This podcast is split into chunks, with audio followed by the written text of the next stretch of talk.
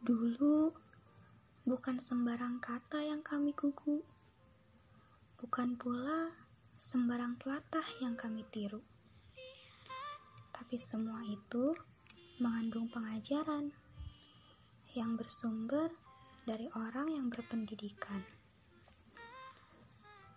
Aku kasihan pada negeri ini, di mana orang yang tak berprestasi banyak digandrungi, banyak orang yang memuji. Kata-kata yang tak bermakna seakan menjadi virus, menyebar dengan cepat, melekat tanpa sekat, dan menjamur tanpa mengenal umur.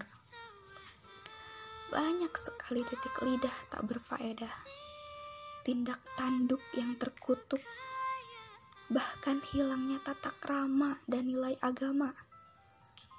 Apakah seperti itu generasi yang diharapkan bangsa? Kembalikanlah citra pendidikan yang sebenarnya. Berikanlah moral yang semestinya, yang seharusnya mencetak generasi bangsa yang berguna bukan malah yang tak beretika.